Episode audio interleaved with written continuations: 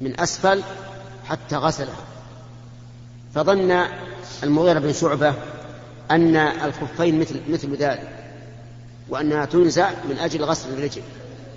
ولكن النبي صلى الله عليه وسلم قال له دعهما فإني أدخلتهما طاهرتين.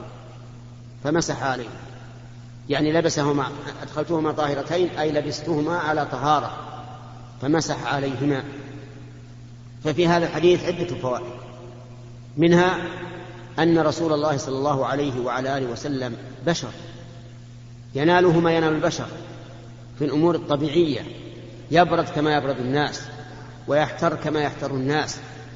ولهذا رآه مرة معاوية رآه وقد فك إزراره إزرار القميص لأنه والله أعلم كان محترا. ففك الإزرار فظن معاوية رضي الله عنه أن هذا من السنة وهو ليس من السنن المطلقة لكن من السنة إذا كان فيه تخفيف على البدن لأن كل ما يخفف عن البدن فهو خير. فإذا كان الإنسان محتر وأراد أن يفتح الإصرار الأعلى والذي يليه فلا بأس. هذا من السنة. أما بدون سبب فإنه ليس من السنة. لأنه لو كان من السنة لكان وضع الإصرار عبثا لا فائدة منه. والدين الإسلامي ليس فيه شيء عبث كله جد. ومن فوائد هذا الحديث أنه لا حرج على الإنسان أن يتوقى ما يؤذيه من حر أو برد كما فعل النبي عليه الصلاة والسلام. بل الأفضل للإنسان أن يتوقى ما يؤذيه لأن هذا من تمام الرعاية للنفس أيقظ النائم لأن هذا من تمام الرعاية للنفس أن أن تتوقى ما يؤذيك. حتى أن شيخ الإسلام ابن تيمية رحمه الله قال الأكل إذا خفت أن يؤذيك صار حراما عليك. الأكل اللي هو الغذاء إذا خفت أن يؤذيك إما بكثرته وإما بكونك أكلت قريبا فتخشى أن تتأذى بالأكل الجديد فإنه يحرم عليك الأكل. حرام. بمعنى أنك تأثم لو أكلت لأن الإنسان يجب أن يرعى نفسه حق الرعاية. ومن فوائد الحديث أنه لا يجوز أن يمسح على حائل سوى الخفين أو العمامة. فلو كان على الإنسان ثوب ضيق الأكمام ولا تخرج اليد إلا بصعوبة وقال أمسح على هذا الثوب كما أمسح الخف قلنا هذا لا يجوز. لا بد أن تخرج يدك حتى تغسلها. حتى لو فرض أنها لم تخرج إلا بشق الكم فإنه يشق. حتى يؤدي الإنسان ما فرض الله عليه من غسل اليد. يغسل وجوهكم وأيديكم إلى المرافق. ومن فوائد الحديث بيان جهل بعض الناس الذين يظنون أن القفازين على اليدين ما هي القفازين؟ أن ما يسمى بالمنكرات أو المناكير. يقولون إنها مثل الخفين. إذا وضعتها المرأة على طهارة تغسلها يوما وليلة. هذا خطأ ليس بصحيح. المناكير يجب أن تخلع عند الوضوء حتى يصل الماء إلى الأظافر وأطراف الأصابع. ومن فوائد هذا الحديث جواز استخدام الأحرار لأن النبي صلى الله عليه وسلم كان المغيرة يخدمه. ولكن لا شك أن خدمة الرسول شرف. كل يفخر بخدمة الرسول عليه الصلاة والسلام. وكان للنبي صلى الله عليه وسلم خدم من الأحرار كعبد الله بن مسعود رضي الله عنه وأنس بن مالك وغيرهما. فالمغيرة كان يخدم النبي صلى الله عليه وسلم. ومن فوائد الحديث جواز إعانة المتوضي على وضوئه. يعني تصب عليه تقرب له الإناء وما أشبه ذلك. وكذلك لو فرض أنه لا يستطيع أن يغسل أعضاءه فاغسلها أنت. لو فرض أن في يده كسر كسرا أو شللا أو ما أشبه ذلك فلا حرج أن تغسل أعضاءه أنت. ومن فوائد هذا الحديث أن أن الإنسان إذا كان لابسا خفين أو جوارب على طهارة فإنه يمسح عليهما وأن المسح أفضل من الغسل. المسح على الخفين إذا كان الإنسان لبسهما على طهارة أفضل من أن يخلعهما ويغسل قدميه. لأن الرسول صلى الله عليه وعلى آله وسلم قال دعهما اتركهما لا تخلعهما فإني أدخلتهما طاهرتين فمسح عليهما. ومن فوائد هذا الحديث ما ذهب إليه بعض العلماء أن المسح على الخفين يكون مرة واحدة على القدمين جميعا. إذ أن المغيرة لم يذكر أنه بدأ باليمنى قبل اليسرى. فاستنبط بعض العلماء من ذلك أن المسح على الخفين يكون باليدين جميعا مرة واحدة. ولكن لا حرج أن الإنسان يفعل هذا أو يمسح على اليد على الرجل اليمنى قبل اليسرى لأن المسح بدل عن الغسل والغسل تقدم فيه اليمنى على اليسرى والبدل له حكم المبدل فإن فعل الإنسان هذا أو هذا فلا حرج. كله الأمر في هذا واسع. ومن فوائد الحديث أنه لا يجوز المسح على الخفين أو الجوربين إلا إذا لبسهما على طهارة. فإن لبسهما على غير طهارة وجب عليه أن يخلعهما عند الوضوء ويغسل قدميه. وفيه فوائد أخرى لكن لا نحب أن نطيل عليكم بها. والله أعلم. بسم الله الرحمن الرحيم. الحمد لله رب العالمين والصلاة والسلام على نبينا محمد وعلى آله وصحبه أجمعين. قال رحمه الله تعالى باب استحباب القميص. عن أم سلمة رضي الله عنها قالت كان أحب الثياب إلى رسول الله صلى الله عليه وسلم القميص. رواه أبو داود والترمذي وقال حديث حسن. باب صفة صلاة باب صفة باب صفة طول القميص والكم والإزار وطرف العمامة وتحريم إسبال شيء من ذلك على سبيل الخيلاء وكراهته من غير خيلاء. عن, أم عن أسماء بنت يزيد الأنصارية رضي الله عنها قالت كان كم قميص رسول الله صلى الله عليه وسلم إلى الرسل. رواه أبو داود والترمذي وقال حديث حسن. وعن ابن عمر رضي الله عنهما أن النبي صلى الله عليه وسلم قال من جر ثوبه خيلاء لم ينظر الله إليه يوم القيامة. فقال له أبو بكر يا رسول الله إن إزاري يسترخي إلا أن أتعاهده. فقال له رسول الله صلى الله عليه وسلم إنك لست ممن يفعله خيلاء. رواه البخاري وروى مسلم بعضه. وعن أبي هريرة رضي الله عنه أن رسول الله صلى الله عليه وسلم قال لا ينظر الله يوم القيامة إلى من جر إزاره بطرا متفق عليه. وعنه رضي الله عنه عن النبي صلى الله عليه وسلم قال ما أسفل من, ما أسفل من الكعبين من الإزار ففي النار. رواه البخاري. وعن أبي ذر رضي الله عنه عن النبي صلى الله عليه وسلم قال ثلاثة لا يكلمهم الله يوم القيامة ولا ينظر إليهم ولا يزكيهم. ولهم عذاب أليم. قال فقرأها رسول الله صلى الله عليه وسلم ثلاث مرار. قال أبو ذر خابوا وخسروا من هم يا رسول الله؟ قال المسبل والمنان والمنفق سلعته بالحلف الكاذب رواه مسلم. وفي رواية له المسبل إزارة بسم الله الرحمن الرحيم. هذه الأحاديث التي ذكرها النووي رحمه الله في رياض الصالحين في باب اللباس.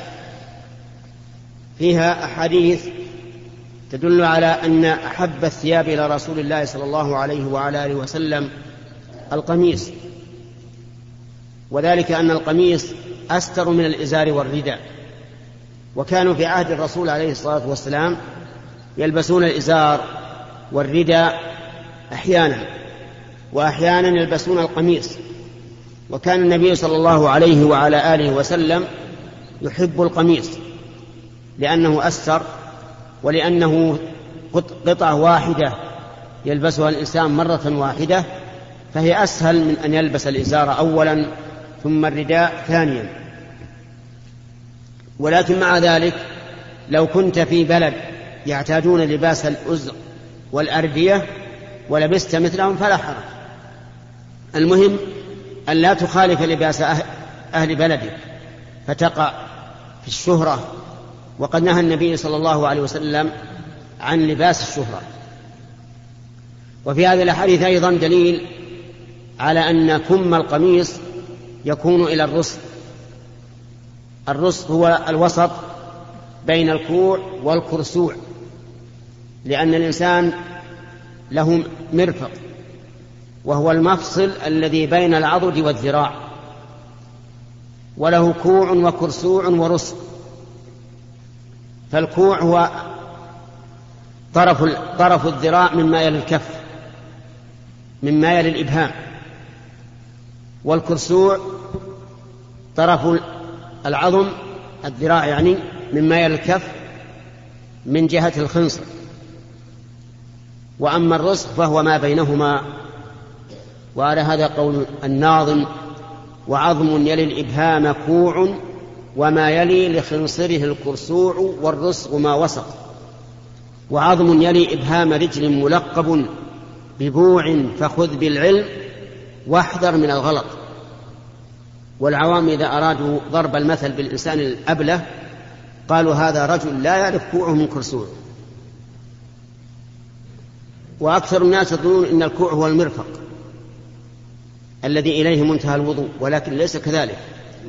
فعند مفصل الكف من الذراع ما يلي ما الخنصر فهو الكرسوع وما يلي الإبهام فهو الكوع وما بينهما فهو الرسل. والنبي عليه الصلاة والسلام كان كم قميصه إلى الرسل. ثم ذكر المؤلف حديث ابن عمر وحديث أبي هريرة رضي الله عنه في إسبال الثياب. وإسبال الثياب يقع على وجهين. الوجه الأول أن يجر الثوب خيلاء والوجه الثاني أن ينزل الثوب أسفل من الكعبين خيلاء أو غير خيلاء أما الأول أما الأول وهو الذي يجر ثوبه خيلاء فإن النبي صلى الله عليه وسلم ذكر له ثلاث عقوبات والعياذ بالله. لا يكلمه الله يوم القيامة ولا ينظر إليه يعني نظر رحمة. ولا يزكيه وله عذاب أليم. لا يكلم الله ولا ينظر إليه ولا يزكيه وله عذاب أليم. أربع عقوبات نسأل الله العافية. يعاقب بها. إذا جره خيلاء ولما سمع أبو بكر بهذا الحديث قال يا رسول الله إن أحد شقي إزاري يسترخي علي إلا أن أت... إلا أن أتعهده يعني فهل يحق علي هذا الوعيد؟ فقال إنك لست ممن يصنع هذا خيلاء فزكاه النبي عليه الصلاة والسلام. زكى أبا بكر بأنه لا يصنع هذا خيلاء والعقوبة على من فعله خيلاء أما من لم يفعله خيلاء فعقوبته أهون.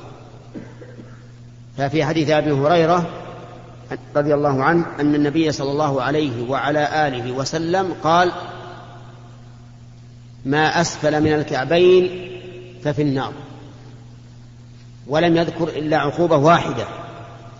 ثم هذه العقوبة أيضا لا تعم البدن كله إنما تختص بما فيه المخالفة وهو ما نزل من الكعب. فإذا نزل ثوب الإنسان أو مشلحه أو سرواله إلى أسفل من الكعب فإنه يعاقب على هذا النازل بالنار. ولا تشمل النار كل الجسد إنما يكوى بالنار والعياذ بالله بقدر ما نزل. ولا تستغرب أن يكون العذاب على بعض البدن الذي حصل فيه المخالفة. فإنه ثبت في الصحيحين أن النبي صلى الله عليه وسلم رأى أصحابه توضأوا ولم يسبغوا فنادى بأعلى صوته ويل للأعقاب من النار. فهنا جعل العقوبة على الأعقاب يعني الأراقيب التي لا لم يسبغوا وضوءها. فالعقاب بالنار يكون عاما كأن يحرق الإنسان كله بالنار والعياذ بالله ويكون في بعض البدن الذي حصلت فيه المخالفة ولا غرابة في ذلك. وبهذا نعرف ضعف قول النووي رحمه الله تحريم الإسبال خيلاء وكراهة وكراهته لغير الخيلاء. والصحيح أنه حرام ما نزل من الكعبين سواء كان خيلاء أو غير خيلاء. بل الصحيح أنه من كبائر الذنوب لأن كبائر الذنوب كل ذنب جعل الله عليه عقوبة خاصة خاصة به وهذا عليه عقوبة خاصة. فيه الوعيد بالنار إذا كان لغير الخيلاء وفيه الوعيد بالعقوبات الأربع. إذا كان خيلاء لا يكلمه الله يوم القيامة ولا ينظر إليه ولا يزكيه وله عذاب أليم. وختم المؤلف دا دا قراء ما نريد قراءته الليل اليوم بحديث أبي ذر أن النبي صلى الله عليه وعلى آله وسلم قال ثلاثة لا يكلمهم الله يوم القيامة ولا ينظر إليهم ولا يزكيهم ولهم عذاب أليم. قرأها ثلاث مرات. وإنما فعل النبي عليه الصلاة والسلام هذا من أجل أن ينتبه الإنسان. لأن اللفظ إذا جاء مجملا ولا سيما مع التكرار ينتبه الإنسان. ما هذا؟ حتى إذا جاءه التفصيل والبيان ورد على نفس متشوفة تطلب البيان. فقال أبو ذر يا رسول الله خابوا وخسروا. من هؤلاء؟ قال المسبل والمنان والمنفق سلعته بالحلف الكاذب. المسبل يعني الذي يجر ثوبه خيلاء. والثاني المنان الذي يمن بما أعطى. إذا أحسن إلى أحد بشيء جعل يمن عليه. فعلت بك كذا وفعلت بك كذا وفعلت بك كذا. والمن من كبائر الذنوب. لأن عليه هذا الوعيد وهو مبطل للأجر. بقوله تعالى يا أيها الذين آمنوا لا تبطلوا صدقاتكم بالمن والأذى. والثالث المنفق سلعته بالحلف الكاذب يعني الذي يحلف وهو كاذب ليزيد ثمن السلعة. فيقول والله لقد اشتريتها بعشرة وهو لم يشتريها إلا بثمانية. أو يقول أعطيت فيها عشرة وهو لم يعط فيها إلا ثمانية. يعني يقول سيمة عشرة وهي ما سيمة إلا ثمانية فيحلف على هذا فهذا ممن يستحق هذه العقوبات الأربع. لا يكلم الله يوم القيامة ولا ينظر إليه ولا يزكيه وله عذاب أليم. نسأل الله العافية. اللهم وفق يصلي مسبر إزارة. قال له رسول الله صلى الله عليه وسلم اذهب فتوضأ فذهب فتوضأ ثم جاء فقال اذهب فتوضأ فقال له رجل يا رسول الله ما لك أمرته أن يتوضأ؟ ثم سكت عنه قال إنه كان يصلي وهو مسبل إزارة وإن الله لا يقبل صلاة رجل مسبل. رواه أبو داود بإسناد صحيح على شرط مسلم.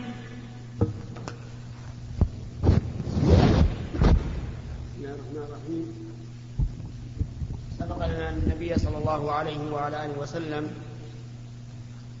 بين أن من جر ثوبه خيلاء لم ينظر الله إليه وأن وأن الله لا ينظر إليه ولا يكلمه يوم القيامة ولا يزكيه. وله عذاب أليم.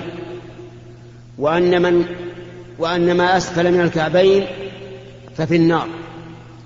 وبينا أن هذا من كبائر الذنوب وأنه لا يحل للإنسان أن يلبس ثيابا نازلا عن الكعب. وأما ما كان على حذاء الكعب يعني على وزن الكعب فلا بأس به. وكذلك ما ارتفع. إلى نصف الساق. فما بين نصف الساق إلى الكعب كله من الألبسة المرخص فيها. والإنسان في حل وفي سعة إذا لبس إزارا أو سروالا أو قميصا أو مشلحا يكون فيما بين ذلك. وأما ما نزل عن الكعب فحرام بكل حال بل هو من كبائر الذنوب. ثم اختلف العلماء رحمهم الله فيما لو صلى الإنسان وهو مسلم. يعني قد نزل ثوبه أو سرواله أو إزاره أو مشلحه الذي يستر يعني ليس رهيف مرة فاختلف في هذا أهل العلم. هل تصح صلاته أو لا تصح؟ فمن العلماء من قال إنها لا تصح لا تصح صلاته. لأنه لبس ثوبا محرما. والله سبحانه وتعالى إنما أباح لنا أن نلبس ما أحل ما أحل لنا. فإن قوله يا بني آدم خذوا زينتكم عند كل مسجد يعني ثيابكم يريد بها ما أباح لنا وما أحله لنا.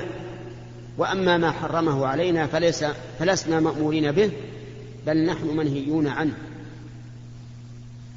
وقال بعض واستدل الذين يقولون بأن الله لا يقبل صلاته إذا أسبل. بهذا الحديث الذي ذكره المؤلف عن أبي هريرة أن النبي صلى الله عليه وسلم رأى رجلا مسبلا. فقال له النبي صلى الله عليه وسلم اذهب فتوضأ. فذهب فتوضأ ثم رجع فقال اذهب فتوضأ. ثم سأل النبي صلى الله عليه وسلم رجل رجل قال يا رسول الله إنك أمرت أن أتوضأ. قال إن الله لا يقبل صلاة مسلم. وهذا نص صريح في أن الله لا يقبل صلاة المسبل يعني فتكون فاسدة ويلزم بإعادتها. والمؤلف يقول رواه أبو داود بإسناد صحيح على شرط مسلم. ولكن هذا فيه نظر. فإن الحديث ضعيف. لا يصح عن النبي صلى الله عليه وعلى آله وسلم. والصحيح من أقوال العلماء أن صلاة المسبل صحيحة ولكنه آثم. ومثل ذلك أيضا من لبس ثوبا محرما عليه كثوب سرقه الإنسان فصلى به أو أو ثوب فيه تصاوير فيه صليب مثلا. أو فيه صور حيوان فكل هذا يحرم لبسه في الصلاة وخارج الصلاة. فإذا صلى فالصلاة صحيحة لكنه آثم بلبسه. هذا هو القول الراجح في هذه المسألة لأن النهي هنا ليس نهيا خاصا بالصلاة. يعني لبس الثوب المحرم عام في الصلاة وغيرها فلا يختص بها فلا يبطلها. هذا هي القاعدة التي أخذ بها جمهور العلماء رحمهم الله وهي القاعدة الصحيحة. وهذا الحديث لو صح لكان فاصلا للنزاع لكنه ضعيف.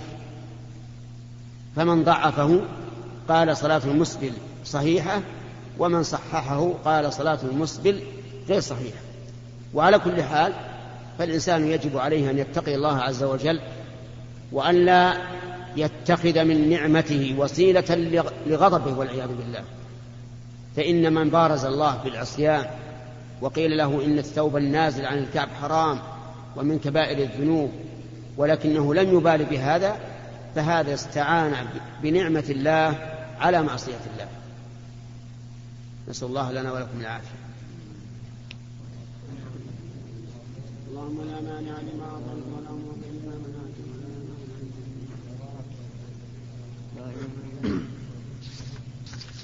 بسم الله الرحمن الرحيم. الحمد لله رب العالمين والصلاة والسلام على نبينا محمد وعلى آله وصحبه أجمعين. نقل المؤلف رحمه الله تعالى في سياق الأحاديث في باب صفة طول القميص والكم والإزار وطرف العمامة. عن جابر بن سليم رضي الله عنه قال رأيت رجلا يصدر الناس عن رأيه لا يقول شيئا إلا صدروا عنه. قلت من هذا؟ قالوا رسول الله صلى الله عليه وسلم. قلت عليك السلام يا رسول الله مرتين. قال لا تقل عليك السلام. عليك السلام تحية الموتى. قل السلام عليك. قال قلت أنت رسول الله أنت رسول الله. قال أنا رسول, أنا رسول الله الذي إذا أصابك ضر فدعوته كشفه عنك وإذا أصابك عام سنة فدعوته أنبتها لك وإذا كنت بأرض قفر أو فلاة فضلت فظلت, فظلت راحلتك فدعوته ردها عليك. قال قلت اعهد إلي. قال لا تسبن أحدا. قال فما سببت بعده حرا ولا عبدا ولا بعيرا ولا شاتا. ولا تحقرن من المعروف شيئا. وأن, وأن تكلم أخاك وأنت منبسط إليه وجهك. إن ذلك من المعروف. وارفع إزارك إلى نصف الساق. فإن, فإن أبيت فإلى الكعبين. وإياك وإسبال الإزار. فإنها من المخيلة. وإياك وإسبال الإزار فإنها من المخيلة وإن الله لا يحب المخيلة. وإن امرؤ شتمك أو عيرك بما يعلم فيك فلا تعيره بما تعلم فيه فإنما وبال ذلك عليه. رواه أبو داود والترمذي بإسناد صحيح وقال الترمذي حديث حسن صحيح.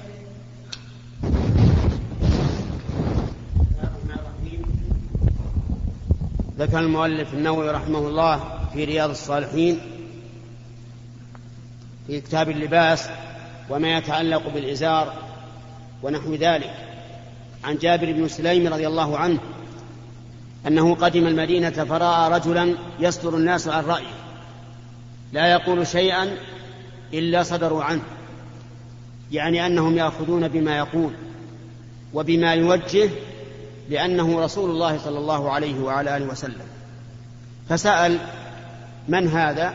لأنه رجل لا يعرف لا يعرف النبي صلى الله عليه وسلم. فسأل من هذا؟ قالوا رسول الله. فجاء إليه فقال أنت رسول الله؟ قال نعم. ولكنه قال عليك السلام. فقدم الخبر. فقال النبي صلى الله عليه وعلى آله وسلم لا تقل عليك السلام. عليك السلام تحية الموتى ولكن قل السلام عليك. ومعنى قوله عليه الصلاة والسلام عليك السلام تحية الموتى يعني أنهم كانوا في الجاهلية يسلمون على الأموات هكذا. كما قال الشاعر عليك سلام الله قيس بن عامر. قيس, قيس بن عامر ورحمته ما شاء أن يترحم. فكانوا في الجاهلية إذا سلموا على الأموات يقولون عليك السلام. لكن الإسلام نسخ هذا. وصار السلام يقال لمن ابتدأ به السلام عليك. حتى الموتى كان النبي صلى الله عليه وعلى آله وسلم يخرج إليهم إلى المقبرة يسلم عليهم فيقول السلام عليكم. دار قوم مؤمنين. ولا يقول عليكم السلام. وفي قوله عليه الصلاة والسلام قل السلام عليك. دليل على أن الإنسان إذا سلم على الواحد يقول السلام عليك. وهكذا جاء أيضا في حديث الرجل الذي يسمى المسيء في صلاته. أنه جاء فسلم على النبي صلى الله عليه وسلم فقال السلام عليك بالإفراد. وهذا هو الأفضل. وقال بعض العلماء تقول السلام عليكم تريد بذلك أن تسلم على الإنسان الذي سلمت عليه ومن معه من الملائكة. ولكن الذي وردت به السنة أولى وأحسن أن تقول السلام عليك. إلا إذا كانوا جماعة فإنك تسلم علي عليهم بلفظ عليكم السلام عليكم. ثم إن النبي صلى الله عليه وسلم بين له أن أنه رسول رب العالمين الذي يكشف الضر ويجلب النفع فإذا ضاعت البعير في فلاة من الأرض فدعوت الله سبحانه وتعالى ردها عليك. يقول وإذا أصابتك سنة يعني يعني جد يعني جدبا في الأرض وعدم نبات فدعوت الله سبحانه وتعالى أنبت الأرض لك. وكذلك إذا أصابك الضر فدعوت الله كشفه عنك كما قال تعالى أمن يجيب المضطر إذا دعاه ويكشف السوء ويجعلكم خلفاء الأرض أإله مع الله. فبين له أنه أي رب عز وجل يجلب, يجلب لعباده الخير وأنه إذا دعاه عبده لم يخب. وهكذا كل دعاء تدعو به ربك فإنك لا تخيب لو لم يأتك من هذا إلا أن الدعاء عبادة تؤجر عليه الحسنة بعشر أمثالها إلى سبعمائة ضعف إلى أضعاف كثيرة. وإذا لم يكن هناك موانع تمنع إجابة الدعاء فإن الله تعالى إما أن يعطيك ما سألت وتراه رأي العين تدعو الله بالشيء فيحصل. وإما أن يكشف عنك من الضر ما هو أعظم. وإما أن يدخر ذلك لك عند الله. وإلا فلن يخيب من دعا الله عز وجل. أبدا. ولكن إياك أن تستبطئ الإجابة. فتقول دعوت ودعوت فلم يستجب لي. فإن الشيطان قد يلقي في قلبك هذا. ويقول كم دعوت الله من مرة؟ ولا جاءك مطلوب. ثم يقنطك من رحمة الله والعياذ بالله. وهذه من كبائر الذنوب. القنوط من رحمة الله من كبائر الذنوب. لا تقنط من رحمة الله ولو تأخرت إجابة الدعاء. لا تدري ما هو الخير. ما أمرك الله تعالى بالدعاء إلا وهو يريد أن يستجيب لك كما قال تعالى وقال ربكم ادعوني أستجب لكم. لكنك تستعجل. انتظر. وألح على على الله بالدعاء. ربما إن الله عز وجل يؤخر إجابتك لأجل أن تكثر من الدعاء فتزداد حسناتك وتعرف قدر نفسك وتعرف قدر حاجتك إلى الله عز وجل فهذا خير. فإياك أن تستعجل. ألح على الله في الدعاء. والله سبحانه وتعالى يحب الملحين في الدعاء المبالغين فيه لأن الإنسان يدعو من؟ يدعو من إليه المنتهى عز وجل. من بيده ملكوت كل شيء. وسواء كان ذلك في صلاتك أو في خلواتك. ادعو الله بما شئت حتى في وأنت تصلي ادعو الله بما شئت. لأن النبي صلى الله عليه وعلى آله وسلم قال أما السجود فأكثروا فيه من الدعاء. وقال حين ذكر التشهد ثم ليتخير من الدعاء ما شاء. فلا فليس للإنسان أحد سوى الله فليلجأ إليه في كل دقيق وجليل حتى أنه جاء في الحديث ليسأل أحدكم ربه حتى شراك نعله. شراك النعل أدنى شيء. اسأله الله عز وجل. لأن السؤال عبادة والتجاء إلى الله عز وجل وإنابة إلى الله وارتباط بالله سبحانه وتعالى يكون قلبك دائما مع الله سبحانه وتعالى فأكثر من الدعاء. ثم إنه أمر ثم إن النبي صلى الله عليه وعلى آله وسلم أمر جابر بن سليم أن لا يحقرن من المعروف شيئا. كل معروف افعل سواء كان قول أو فعل أو جاه أو أي شيء. لا تحقر شيئا من المعروف. فإن المعروف من الإحسان. والله سبحانه وتعالى يحب المحسنين. لو ساعدت إنسان على تحميل عفشه في السيارة هذا معروف. لو, أدن لو أدنيت له شيئا يحتاج إليه هذا من المعروف. لو أعطيته القلم يكتب به هذا من المعروف. لو أعطيته ظرفا من أجل أن يحفظ به شيئا من الأشياء فهذا من المعروف. لا تحقرن من المعروف شيئا. أحسن فإن الله يحب المحسنين. واعلم أن هناك قاعدة إذا ذكرها الإنسان سهل عليه الإحسان وهي ما ثبت عن النبي عليه الصلاة والسلام من قوله والله ومن كان في حاجة أخيه كان الله في حاجته. من كان في حاجة أخيه كان الله في حاجته. وما ظنك إذا كان الله في حاجتك؟ هل تتعسر الأمور؟ الجواب لا. إذا كان الله في حاجتك يساعدك على على حاجتك ويعينك عليها لا شك أنها سوف تسهل. فأنت كلما كنت في حاجة أخيك كان الله في حاجتك. فأكثر من المعروف أكثر من الإحسان. ولا تحقرن شيئا. قال النبي عليه الصلاة والسلام لا تحقرن جارة لجارتها ولو فرس نشأت. لو هذا الشيء القليل. ويأتي إن شاء الله بقية الكلام على الحديث. بسم الله الرحمن الرحيم. الحمد لله رب العالمين والصلاة والسلام على نبينا محمد وعلى آله وصحبه أجمعين.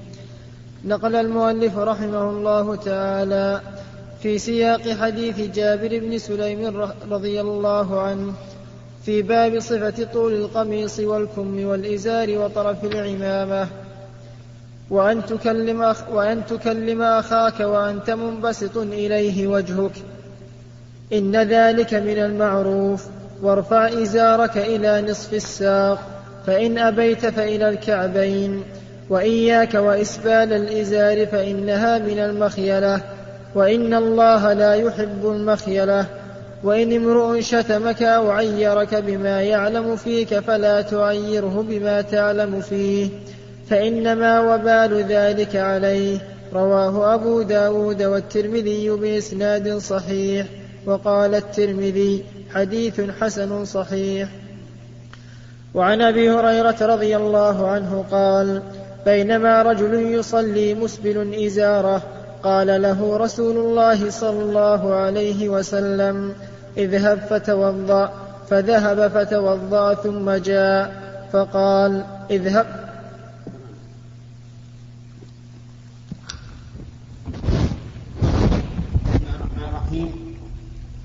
هذا بقية حديث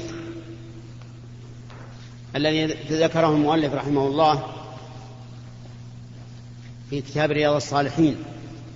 قال قال له النبي صلى الله عليه وعلى آله وسلم وأن تلقى أخاك وأنت منبسط إليه وجهك إن ذلك من المعروف. لما قال لا تحقرن من المعروف شيئا بين أن من المعروف أن تلقى أخاك بوجه طلق. لا معبس ولا مكفهر بل تكون يكون منبسطا. وذلك لأن هذا يدخل السرور على أخيك. وكل ما أدخل السرور على أخيك فإنه معروف وإحسان والله يحب المحسنين. وهذا لا شك أنه خير إلا أنه في بعض الأحيان قد يكون المرء الذي يخاطبك من المصلحة أن لا تلقاه بوجه منبسط. يكون قد فعل شيئا لا يحمد عليه فلا تلقاه بوجه منبسط تعزيرا له لأجل أن يرتدع ويتأدب ولكل مقام مقال. ثم نهاه ثم إن النبي صلى الله عليه وسلم أمره أن يرفع إزاره إلى نصف الساق. فإن أبى فإلى الكعبين. وهذا يدل على أن رفع الإزار إلى نصف الساق أفضل ولكن لا حرج أن ينزل إلى الكعبين. وذلك لأن هذا من باب الرخصة وليس بلازم أن الإنسان لابد أن يرفع إزاره إلى نصف الساق أو يرى أن ذلك حتم عليه وأن الذي لا يرفع قد خالف السنة لأن الرسول عليه الصلاة والسلام قال فإن أبيت فإلى الكعبين. ولم يقل إن أبيت فعليك كذا وكذا من الوعيد فدل ذلك على أن الأمر في هذا واسع. وقد مر علينا أن أبا بكر الصديق رضي الله عنه قال للنبي صلى الله عليه وسلم إن أحد شقي إزاري يسترخي علي إلا أن أتعهده وقلنا إن هذا يدل على أن إزار أبي بكر رضي الله عنه ينزل عن نصف الساق وأن هذا لا بأس به. فلا ينبغي للإنسان أن يشدد على نفسه أو على الناس بحيث يرى أنه لزام عليه بحيث يرى أنه لزام لزاما عليه أن يجعل سرواله أو ثوبه أو مشلحه إلى نصف الساق. الأمر في هذا واسع هو سنة ولكن مع ذلك الأمر فيه واسع ولله الحمد بترخيص النبي صلى الله عليه وسلم. ثم حذره النبي صلى الله عليه وسلم حذر جابر بن سليم من المخيلة يعني أن يختال في مشيته أو ثوبه أو عمامته أو مشلحه أو كلامه أو أي شيء يفعله خيلاء. فإن الله لا يحب ذلك. إن الله لا يحب كل مختال فخور. فالإنسان ينبغي له أن يكون متواضعا دائما في لباسه ومشيته وهيئته وكل أحواله لأن من تواضع لله رفعه الله. فهذه الآداب التي علمها النبي صلى الله عليه وعلى آله وسلم أمته ينبغي للإنسان أن يتأدب بها لأنه يحصل على أمرين. أولا امتثال أمر النبي صلى الله عليه وعلى آله وسلم. وقد قال الله تعالى ومن يطع الله ورسوله يدخله جنات تجري من تحتها الأنهار. وثانيا التأدب بهذه الآداب الراقية التي لا يستطيع أحد من البشر أن يوجه الناس إلى آداب مثلها مثلها أبدا. لأن الآداب التي جاء بها الشرع هي خير الآداب. وإلى هنا ينتهي الكلام على هذا الحديث. رجل يصلي مسبر إزارة. قال له رسول الله صلى الله عليه وسلم اذهب فتوضأ فذهب فتوضأ ثم جاء فقال اذهب فتوضأ فقال له رجل يا رسول الله ما لك أمرته أن يتوضأ؟ ثم سكت عنه. قال إنه كان يصلي وهو مسبل إزاره وإن الله لا يقبل صلاة رجل مسبل. رواه أبو داود بإسناد صحيح على شرط مسلم.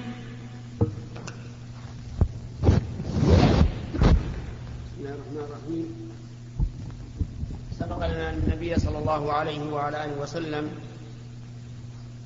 بين أن من جر ثوبه خيلاء لم ينظر الله إليه وأن وأن الله لا ينظر إليه ولا يكلمه يوم القيامة ولا يزكيه وله عذاب أليم. وأن من وأن ما أسفل من الكعبين ففي النار. وبينا أن هذا من كبائر الذنوب وأنه لا يحل للإنسان أن يلبس ثيابا نازلا عن الكعب. وأما ما كان على حذاء الكعب يعني على وزن الكعب فلا بأس به. وكذلك ما ارتفع. إلى نصف الساق. فما بين نصف الساق إلى الكعب كله من الألبسة المرخص فيها. والإنسان في حل وفي سعة. إذا لبس إزارا أو سروالا أو قميصا أو مشلحا يكون فيما بين ذلك. وأما ما نزل عن الكعب فحرام بكل حال بل هو من كبائر الذنوب. ثم اختلف العلماء رحمهم الله فيما لو صلى الإنسان وهو مسلم. يعني قد نزل ثوبه أو سرواله أو إزاره أو مشلحه الذي يستر يعني ليس رهيف مرة اختلف في هذا أهل العلم. هل تصح صلاته أو لا تصح؟ فمن العلماء من قال إنها لا تصح لا تصح صلاته. لأنه لبس ثوبا محرما. والله سبحانه وتعالى إنما أباح لنا أن نلبس ما أحل ما أحل لنا. فإن قوله يا بني آدم خذوا زينتكم عند كل مسجد يعني ثيابكم يريد بها ما أباح لنا وما أحله لنا. وأما ما حرمه علينا فليس فلسنا مأمورين به بل نحن منهيون عنه. وقال بعض واستدل الذين يقولون بأن الله لا يقبل صلاته إذا أسبل. بهذا الحديث الذي ذكره المؤلف عن أبي هريرة أن النبي صلى الله عليه وسلم رأى رجلا مسبلا. فقال له النبي صلى الله عليه وسلم اذهب فتوضأ. فذهب فتوضأ ثم رجع فقال اذهب فتوضأ. ثم سأل النبي صلى الله عليه وسلم رجل رجل قال يا رسول الله إنك أمرته أن يتوضأ قال إن الله لا يقبل صلاة مسلم. وهذا نص صريح في أن الله لا يقبل صلاة المسبل يعني فتكون فاسدة ويلزم بإعادتها. والمؤلف يقول رواه أبو داود بإسناد صحيح على شرط مسلم. ولكن هذا فيه نظر. فإن الحديث ضعيف. لا يصح عن النبي صلى الله عليه وعلى آله وسلم. والصحيح من أقوال العلماء أن صلاة المسبل صحيحة ولكنه آثم. ومثل ذلك أيضا من لبس ثوبا محرما عليه كثوب سرقه الإنسان فصلى به أو ثوب فيه تصاوير فيه صليب مثلا. أو فيه صور حيوان فكل هذا يحرم لبسه في الصلاة وخارج الصلاة. فإذا صلى فالصلاة صحيحة لكنه آثم بلبسه. هذا هو القول الراجح في هذه المسألة لأن النهي هنا ليس نهيا خاصا بالصلاة. يعني لبس الثوب المحرم عام في الصلاة وغيرها فلا يختص بها فلا يبطلها. هذا هي القاعدة التي أخذ بها جمهور العلماء رحمهم الله وهي القاعدة الصحيحة. وهذا الحديث لو صح لكان فاصلا للنزاع لكنه ضعيف.